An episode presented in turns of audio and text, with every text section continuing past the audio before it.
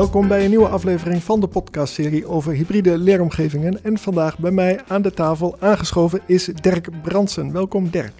Dankjewel. Dirk, voor de luisteraar die jou niet kent, kun je kort vertellen wie jij bent? Jazeker, mijn naam is uh, Dirk Bransen. Ik werk sinds juni 2021 bij uh, Fontes Sporthogeschool, bij sportkunde. Ik hou me daar bezig met uh, werkplek leren in de breedste zin van het woord. Daarnaast doe ik onderzoek um, over de adaptieve expertiseontwikkeling van studenten in werkplekleercontexten. Ik ben één dag per week betrokken bij de regiegroep Professionele Werkplaatsen. Uh, dat is een onderdeel van het programma, uh, programma Professionele Werkplaatsen. En wij proberen daar transdisciplinaire samenwerking een boost te geven. En ik ben een klein deel van mijn tijd bezig bij het programma Hybride Leeromgevingen, waarmee ik me bezig hou met begeleiden op de werkplek. Zijn je nou transdisciplinaire samenwerking? Ja, dat klopt. Dat moet je uitleggen. Misschien ken je multidisciplinaire samenwerking, interdisciplinaire samenwerking.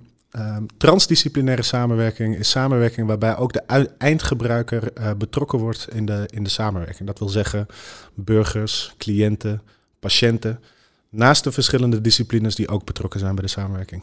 Ah, dat past dan goed bij hybride leeromgevingen, waarbij we niet alleen onderwijs en uh, het werkveld, maar ook overheid en misschien beleidsmakers betrekken, maar vooral ook juist die, uh, die cliënt en die patiënt en de burger. Absoluut. De, de groep waar het natuurlijk eigenlijk, of misschien grotendeels wel over gaat. Absoluut. Oké. Okay. En je zei, uh, ik ben nu sinds kort bij Fontis betrokken. Misschien is het aardig dat je in één minuut vertelt wat je hiervoor hebt gedaan. Hiervoor heb ik bij de Universiteit van Maastricht gewerkt. Daar heb ik promotieonderzoek gedaan. Bij de Faculty of Health Medicine and Life Sciences. En mijn onderzoek richtte zich op het reguleren van werkplekleren. Dus hoe geneeskundestudenten in hun kooschappen leerdoelen formuleren, leeractiviteiten selecteren, hun ontwikkeling monitoren, op hun ontwikkeling reflecteren. Uh, en dan met een speciale lens gekeken naar het netwerk dat zij daarvoor uh, oprichten. Dus hoe zij medestudenten gebruiken in die uh, regulatie, maar ook hoe zij hun werkplekbegeleiders daarin gebruiken en inzetten, of artsen en artsenassistenten. Nu is dit geen sollicitatiegesprek, maar als dit een sollicitatiegesprek was voor een plek binnen het programma Hybride Leeromgevingen, dan had ik gezegd van harte welkom. Want dit lijkt mij hartstikke relevant uh, kennis uh, die je meebrengt.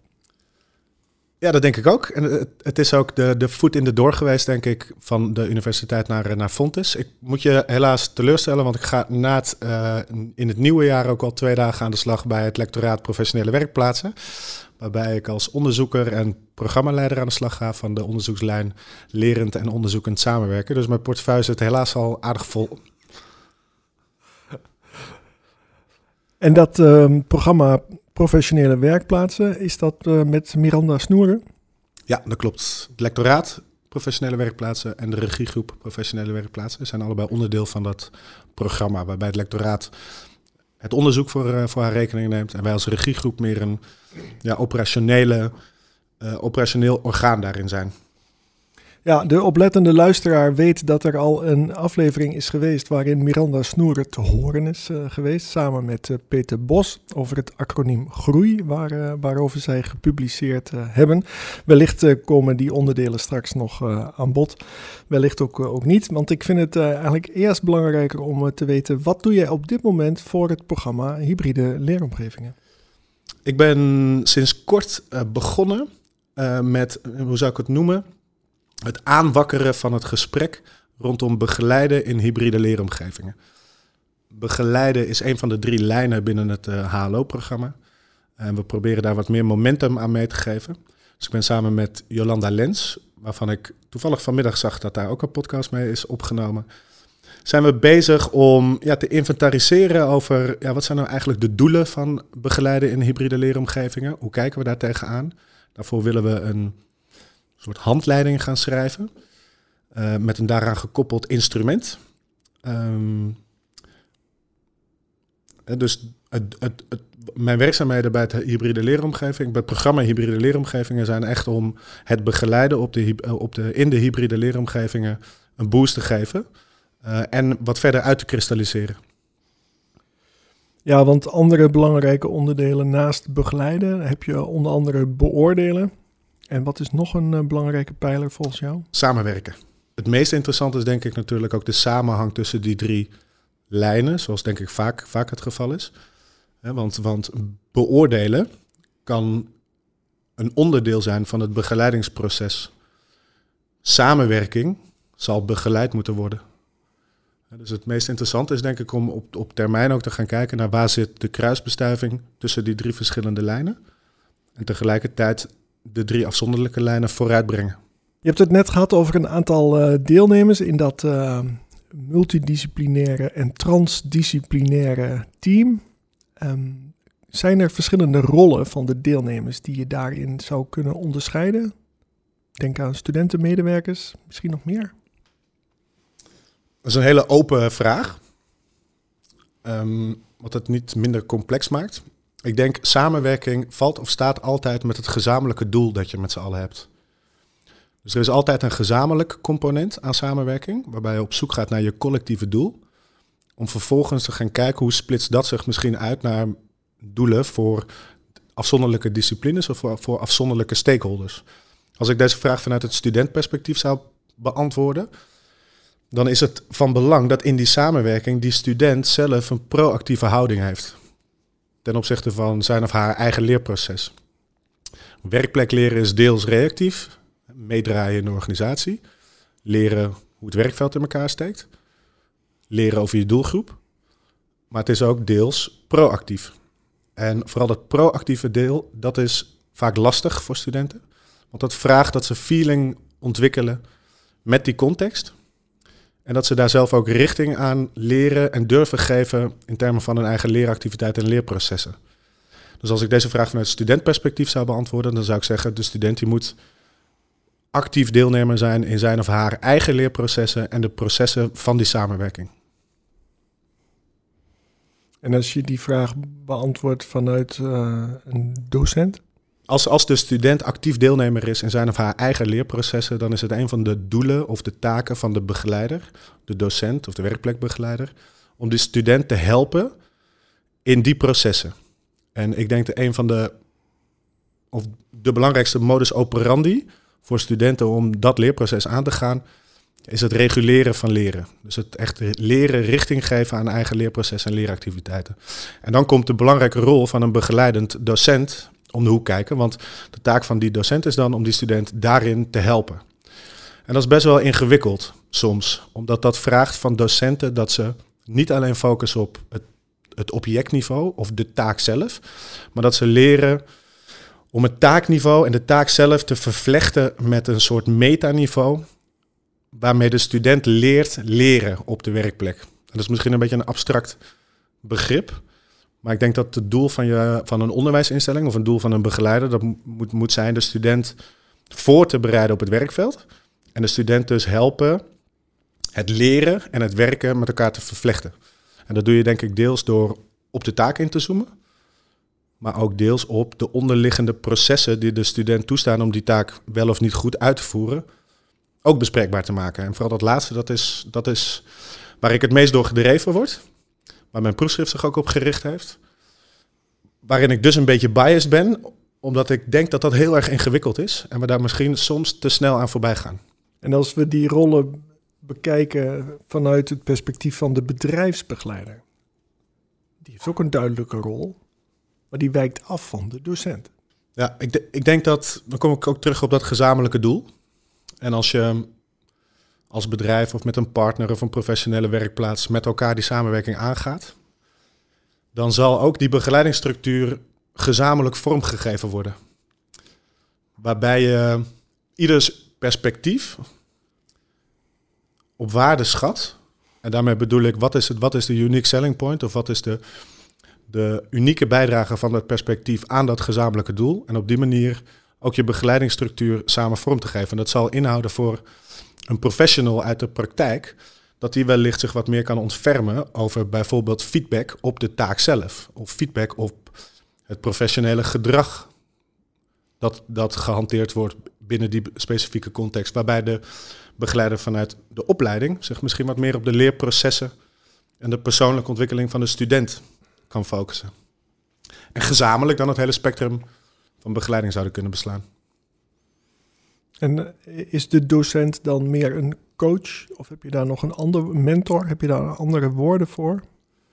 Ik ben altijd een beetje huiverig met het woord coach, omdat ik eh, de hele literatuur eh, van het begrip coaching zelf niet helemaal in de vingers heb. En ik wel weet dat dat een unieke of op zichzelf staande vorm van begeleiden is.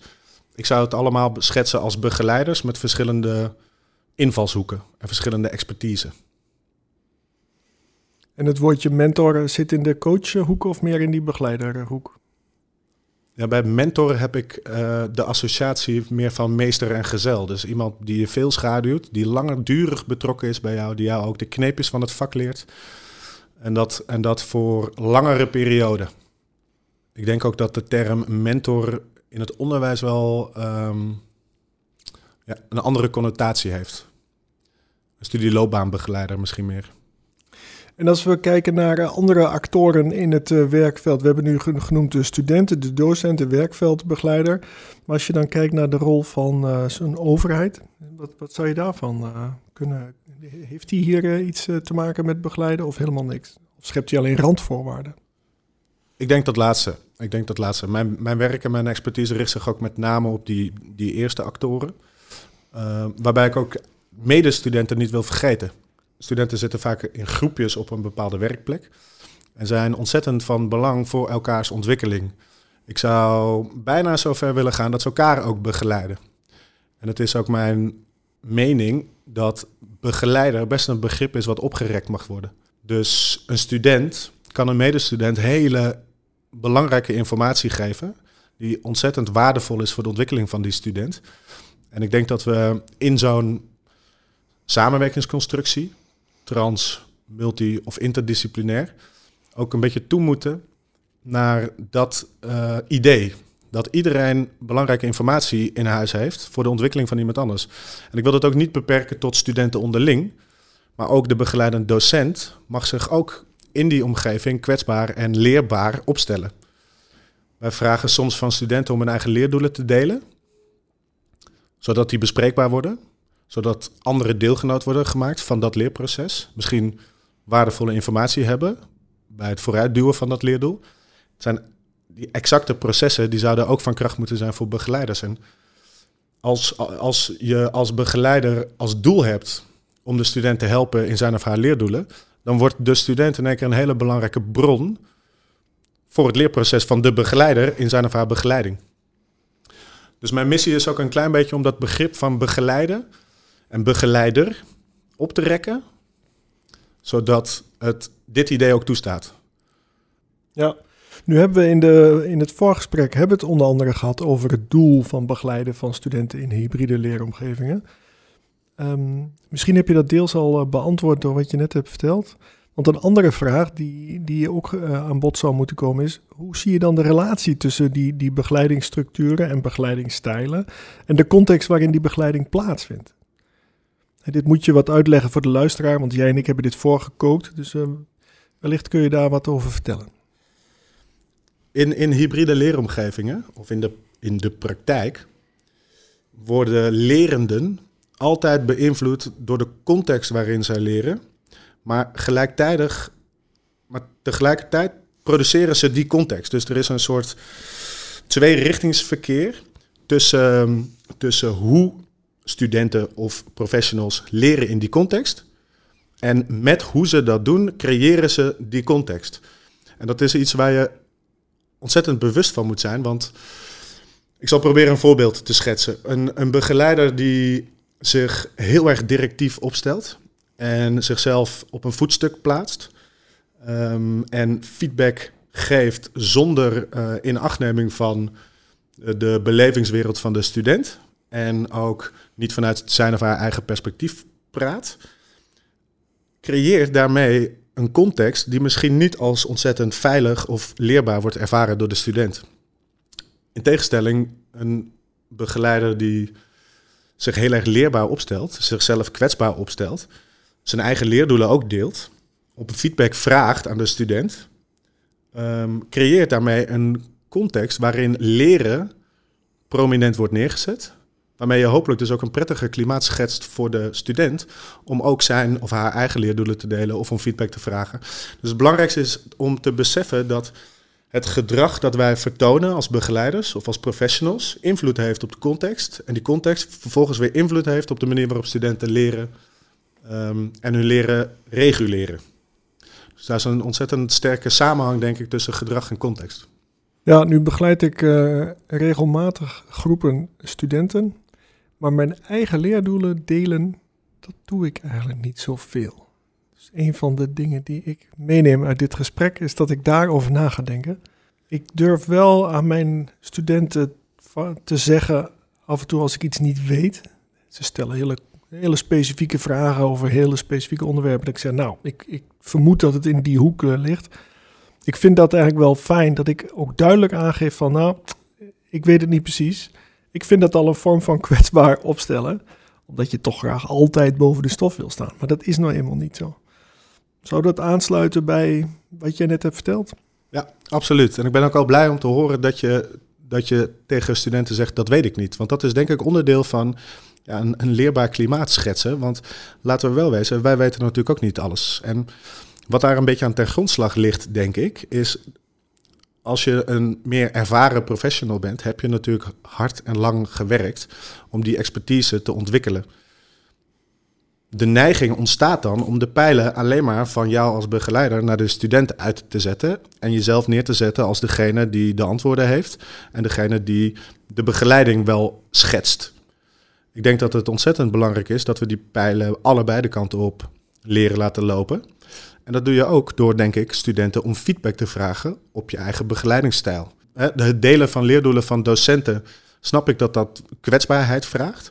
Maar die leerdoelen die kunnen hem ook zitten in willen verbeteren in je begeleiding. En daarmee contextualiseer je het al wat meer. En maak je het ook heel bruikbaar voor de setting waarin dat dan plaatsvindt.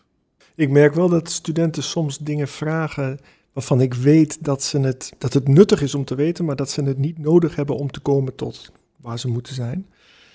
Dus dan probeer ik ze ook wel eens te zeggen, dit is interessant, maar het is net als autorijles in het donker. Dat heeft niks te maken met je examen, want examens zijn nooit in het donker. Ja, dus daarom zeg ik altijd, de, de rijinstructeur die tegen jou zegt, je moet s'avonds lessen, is goed voor jou.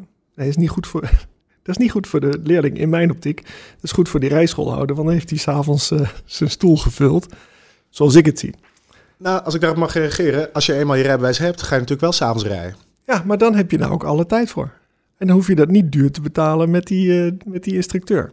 Misschien is het wel goed om een keer te oefenen. Eén keer. Eén keer dan. Ja, ja. hey, maar wat, wat, maakt dan, hè, wat maakt dan het zijn van een goede begeleider? Want over die, die autorijschoolhouder, jij en ik hebben daar al een iets ander beeld bij. Ja, wat maakt een goede begeleider? Uh, goede vraag. En ik denk dat ik een aantal dingen wel al heb aangestipt met betrekking hoe, tot hoe ik daarnaar kijk. Ik denk dat dat een, het moet een betrokken begeleider zijn. Iemand die betrokken is bij het leerproces en de ontwikkeling van de student. Zowel op dat taakniveau als op het metaniveau. Het moet een student, het moet een begeleider zijn die zichzelf kwetsbaar op durft te stellen. Het moet een begeleider zijn die om feedback vraagt aan zijn of haar studenten, zodat hij zelf ook laat zien dat de hij of zij ook nog constant aan het leren is en het fine-tunen is. Veel opleidingen hebben een leven lang leercomponent in hun curriculum. Als dat zo is, zijn wij ook nog steeds aan het leren. En dan komt een beetje dat cliché naar boven: practice what you preach. Of practice what you teach. Eigenlijk alles wat wij van studenten vragen, ja, dat zijn allemaal leerprocessen, leeractiviteiten waar wij als begeleiders ook nog steeds in moeten uh, een ander heel belangrijk component aan een goede begeleider vind ik iemand die expliciteert. Dus iemand die zijn intenties uitlegt en verbaliseert naar de student toe. Om een voorbeeld te noemen, soms hebben wij als begeleiders de neiging om een student te laten zwemmen. En de student zelf uit te laten zoeken en fouten te laten maken. Een heel uh, mooi principe, denk ik, want dat is wel wat de student in staat stelt om zelf achter de oplossingen te komen. Soms ervaart een student dat, dat die begeleider niet betrokken is. En die gaat met zijn kop tegen de krip. Ja. Dus dit, en ik zeg niet dat je altijd al je intenties moet expliciteren, maar vaak helpt het om één of twee zinnetjes toe te voegen. Door te zeggen: Ik laat je nu even zwemmen. Misschien loop je tegen de muur en dan help ik je. Maar ik vind het belangrijk dat je zelf op zoek gaat naar oplossingen. Dus het expliciteren van je intenties en de achterliggende gedachten bij gedrag is denk ik een heel sterk, een hele sterke eigenschap van, uh, van een begeleider. En dat vergeten we vaak. Maar die, die intenties die hebben we wel, maar soms vergeten we erbij te vertellen wat daarachter zit en waarom we doen wat we doen. Als jij het hebt over studenten laten zwemmen, dan uh, moet ik denken aan uh, Fontis Pulst. Ik heb um, vanochtend live gezet een gesprek in de podcastserie over de toekomst van onderwijs. Daarin heb ik student TNW van Fontis, de student heet Tom van Os, heb ik gesproken over wat hij heeft geleerd bij TNW en wat hij heeft geleerd bij zijn Mino die hij deed bij Pulst. En hij schetste een, het verschil tussen de kennis-based TNW, de technische natuurkunde, en, um, en wat hij op skill-based leerde bij, bij Pulst. En bij Pulst had hij heel vaak het idee, ja, ongeveer moet je dit gaan doen en, en zie maar. Ja, voor allebei is wat te zeggen. En voor de geïnteresseerde luisteraar, luister naar die aflevering van de andere podcastserie Toekomst van Onderwijs. Daar heeft een Fontes-student echt zinnige dingen over gezegd. Even, je had het net over leeractiviteiten. Uh, je zit hier bij sportkunde. Als je kijkt naar de leeractiviteiten in de hybride leeromgevingen die je hier aan het opzetten bent of hier aan het uitvoeren bent, sluit die, die leeractiviteiten aan bij zowel wat hier op school geleerd moet worden als waar de praktijk om vraagt? Ja en nee. Dat is wel onze ambitie. Wij werken bij sportkunde met partnerships. Dat zijn langdurige partners van ons voor de eerste twee jaar. Waarbij we de visie van die partner naast de visie van ons als sportkunde leggen. En dan gezamenlijk tot een programmering en begeleidingsstructuur voor de studenten komen. In die strategie ligt ingebed dat je de activiteiten met elkaar uitlijnt. In de praktijk zien we dat dat deels gebeurt, uh, maar soms ook niet. En dat komt door de, denk de organisatie van onze partners, en die natuurlijk ook hun eigen beleid hebben. Maar aan de andere kant kunnen wij ook nog wel winst boeken in het uitlijnen van andere delen van het curriculum met het werkplekleergedeelte. Dat is iets waar we ook wel al flink mee bezig zijn en flink aan de weg aan het, uh, aan het timmeren zijn. Dus de, in essentie gebeurt dat. Ik denk wel dat we daar nog meer winst in kunnen boeken in termen van, uh, van uitlijnen van curriculumonderdelen om nog betere transfer te realiseren tussen werkplek en onderwijs. En als ik daar aan mag toevoegen, daar werken onze partners ook absoluut aan mee. En die denken daar ook in mee. En zijn goed op de hoogte van ons curriculum. En pro wij proberen ook input bij hun vragen. En zij geven die input ook op, op eigen houtje. Op het moment dat zij van mening zijn dat sommige delen, kleine stukjes van het curriculum, misschien op een andere plek in het curriculum plaats zouden kunnen vinden om betere aansluiting te vinden met de werkplek leren. Maar je kunt je voorstellen dat dat soms moeilijk te organiseren is. Ja, je hebt zo straks uh, gerefereerd aan jouw uh, proefschrift. En uh, misschien is er nog iets uit het proefschrift wat je nog niet genoemd hebt, wat je hier graag wilt delen, wat relevant is voor deze podcastserie. Hoe, hoeveel tijd hebben we nog? ik vind het altijd mooi als ik gevraagd word naar mijn proefschrift, want dat, dat is weer een soort test hoe, hoe goed ik dat nog in de, in de vingers heb. Maar een van de conclusies uit mijn proefschrift is dat processen van leren zich op verschillende levels afspelen in werkplekleercontexten en als er samengewerkt wordt. Je hebt hele individualistische processen. Je hebt leerprocessen die ontstaan in kleine interacties. En je hebt leerprocessen die op teamlevel spelen. Dus als ik nog iets zou mogen eh, toevoegen, dan is dat als we, als we weten dat die processen op verschillende levels spelen, dan zal dat leren en dat reguleren van dat leren ook op die levels moeten plaatsvinden. dus als je het hebt over, over collaborative learning of samenwerkend leren, en het kielzog daarvan wordt het reguleren van dat leren even belangrijk. Dus dat is nog iets wel wat ik zou willen toevoegen, omdat dat vaak een ondergesneeuwd kindje wordt en is. En dat komt denk ik deels doordat het complexe concepten zijn. Het leren is tastbaarder dan allerlei onderliggende processen van reguleren van dat leren. Dus, dus dat, is, dat is mijn missie om dat gesprek te blijven voeren.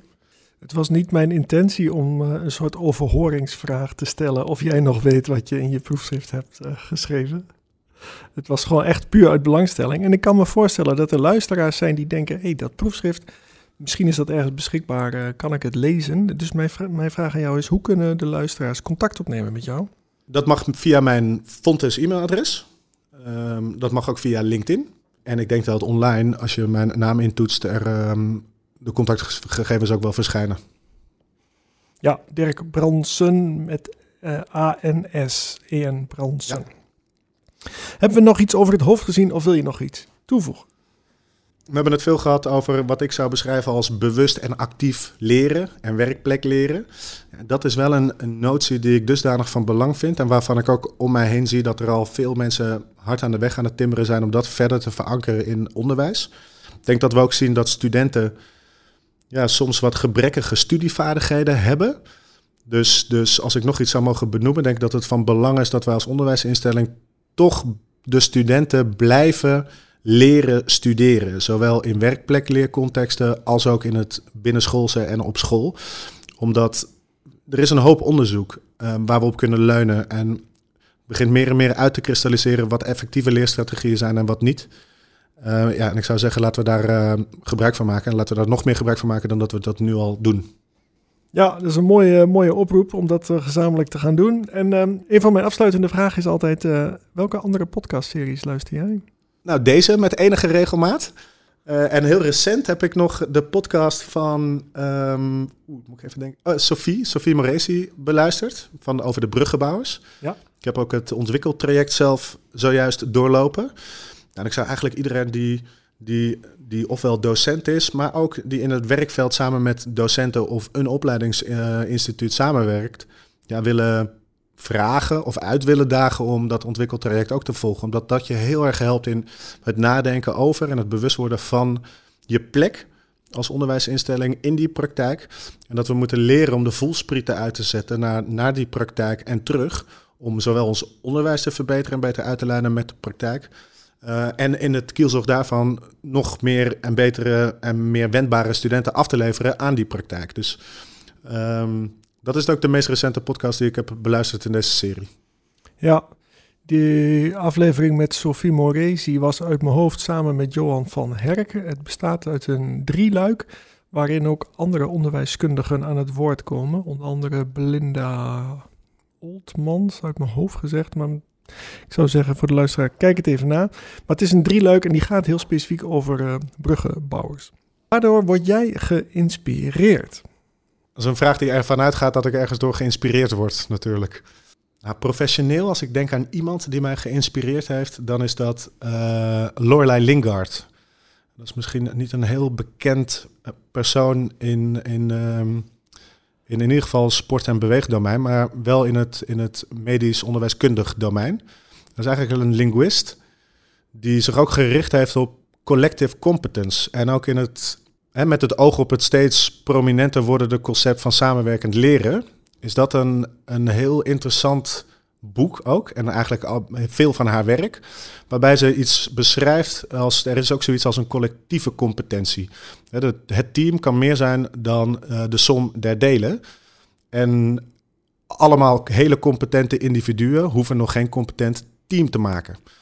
Dus dat is los van haar geweldige schrijfstijl en hoe, hoe prachtig zij dat neerzet, zijn die ideeën die zij heeft, hebben mij wel geïnspireerd en ook gesterkt tijdens mijn onderzoek om daar ook mee aan de slag te gaan. En ook te gaan bekijken, of te gaan onderzoeken hoe individualistisch het eigenlijk allemaal is. En is het niet allemaal veel meer gezamenlijk, of in ieder geval ook heel erg gezamenlijk, naast allerlei individualistische processen. Dus, dus uh, Lorelei Lingard is wel een inspiratiebron geweest, zowel op inhoud als op vorm en stijl, waar ik veel van probeer te pikken. Ze heeft een boek geschreven en ze heeft niet toevallig ook een uh, podcast live staan. Jawel, zij doet ook TED Talks, geloof ik. En uh, ze heeft uh, meerdere boeken geschreven. En what comes to mind is The Question of Competence, Reconsidering Medical Education heet dat, geloof ik. Waarbij ze dit idee oppert. En in het, in, het, in het verlengde van samenwerkend leren is dat een hele mooie lens om daar naar te kijken. En een hele mooie conceptualisering om dat helder voor ogen te krijgen. En ook op verder te bouwen. Ik heb de indruk dat uh, jij en ik hier nog lang over verder kunnen praten. En ik heb ook de indruk dat jij nog van alles weet wat nuttig kan zijn in deze podcastserie. Maar voor nu wil ik het hierbij laten. En uh, ik wil jou bedanken voor dit gesprek. Ja, ook bedankt. Wat is jouw eerste reactie? Ja, leuk, interessant om, uh, ik, moet, ik, moet, ik merk dat ik heel erg moet stilstaan ook. Uh, en ik merk dat ik mijn bewegelijkheid een beetje onder controle moet, uh, moet houden tijdens, de, tijdens het praten.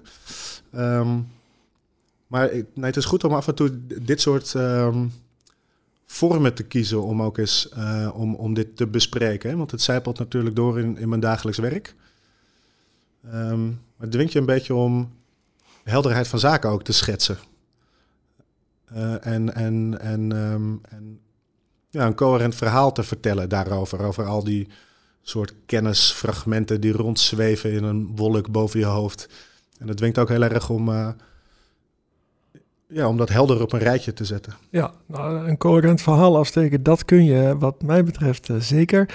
Um, over het stilstaan, wat de luisteraar misschien niet weet, is dat ik heel veel uh, gesprekken staand opneem. Um, omdat ik altijd denk dat je dan iets meer vanuit je, ja, vanuit, je, vanuit een soort krachtige houding aan het praten bent. En uh, bovendien, uh, na drie kwartier wil je ook wel graag zitten. Dus het moet ook een keer afgelopen zijn. Ja. nee, maar ik vind het ook echt fijn om. Ik vind het heel fijn om een gesprek staand te doen. Ik ook. En we zijn per slot van rekening op de sporthogeschool. Hè? Dus zittend gedrag is niet iets wat wij per se stimuleren. Hoe sportief ben jij zelf eigenlijk? Gemiddeld, zou ik zeggen. Ik vind het leuk, leuk om te sporten. Um, ik ben ook voetbaltrainer van mijn, uh, van mijn oudste zoon. Uh, en een broertje van mij heeft een bootcampbedrijfje. En dus ik beperk me niet tot één soort sport, maar ik proef overal een beetje van. Een jongste broertje fitness heel veel. Dus ja, mij kun je vinden in de fitnessschool, op het voetbalveld. Uh, onder de brug in Maastricht met een bootcamp. Um, en voor de rest rollend op, op de grond spelend met mijn kinderen. Wat soms ook wel als sport voelt. Zo, echt wel. En daarmee zijn we aan het einde gekomen van deze aflevering van de podcastserie over hybride leeromgevingen. En ik wil de luisteraar ook bedanken voor het feit dat je tot het einde bij ons bent gebleven. Vergeet niet om je te abonneren, want binnenkort staat er een nieuwe aflevering voor je klaar. Graag tot dan.